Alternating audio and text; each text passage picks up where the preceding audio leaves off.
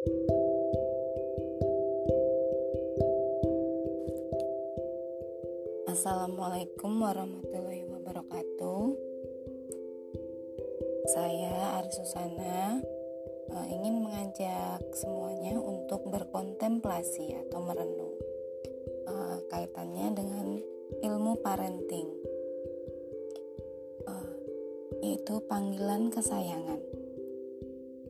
Di sini ada sebuah kisah tentang panggilan kesayangan. Seorang anak memiliki nama yang berarti pemikir. Sejak kecil, arti nama itu dikenalkan dan dijelaskan pada si anak oleh orang tuanya. Si anak begitu bangga dengan nama tersebut.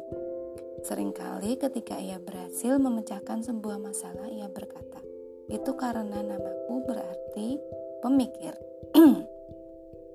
Ketika sesekali ia putus asa dengan sebuah persoalan, orang tuanya selalu mengingatkan, kamu kan pemikir, pasti bisa mencari jawabannya. Suatu kali orang tuanya dikejutkan oleh pertanyaan si anak.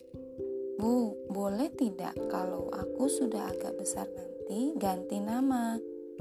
Tanya anak yang baru berusia 4 tahun setengah tahun itu. Tentu saja si ibu kaget. Apa yang menyebabkan anak jadi tak menyukai namanya? Dengan hati-hati si ibu bertanya, Mengapa ingin ganti namanya? Tidak bagus ya? Si anak berpikir sejenak. Namaku bagus, tapi aku ingin dipanggil seperti kakak Kinasih yang artinya sayang. Ujar si anak menyebutkan nama kakak sepupunya. Sang ibu mengerti bahwa si anak membutuhkan panggilan yang akan membuatnya merasa begitu disayangi dan tidak terbebani dengan namanya. Kemudian si ibu bertanya, Mau ganti nama apa?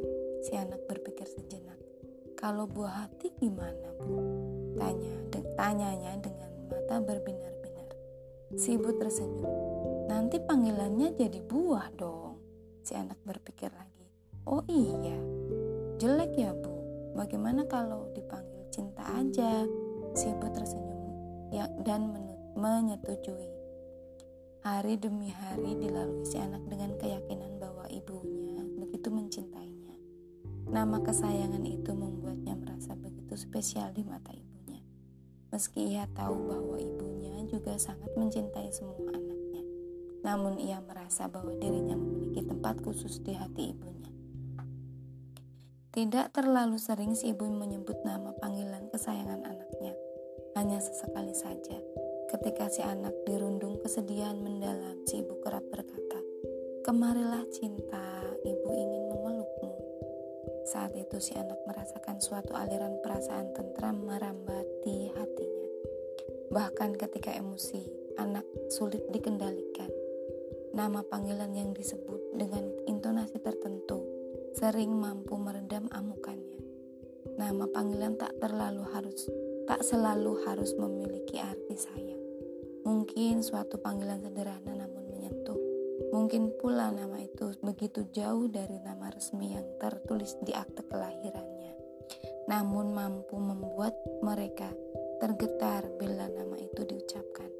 Seorang anak mengaku begitu bahagia tatkala ia bangun tidur membuka matanya. Orang tuanya menyapa selamat pagi matahariku hingga ia dewasa panggilan itu tetap disukainya. Bahkan ada yang tetap senang dipanggil pipit kecil meski ia tak kecil lagi.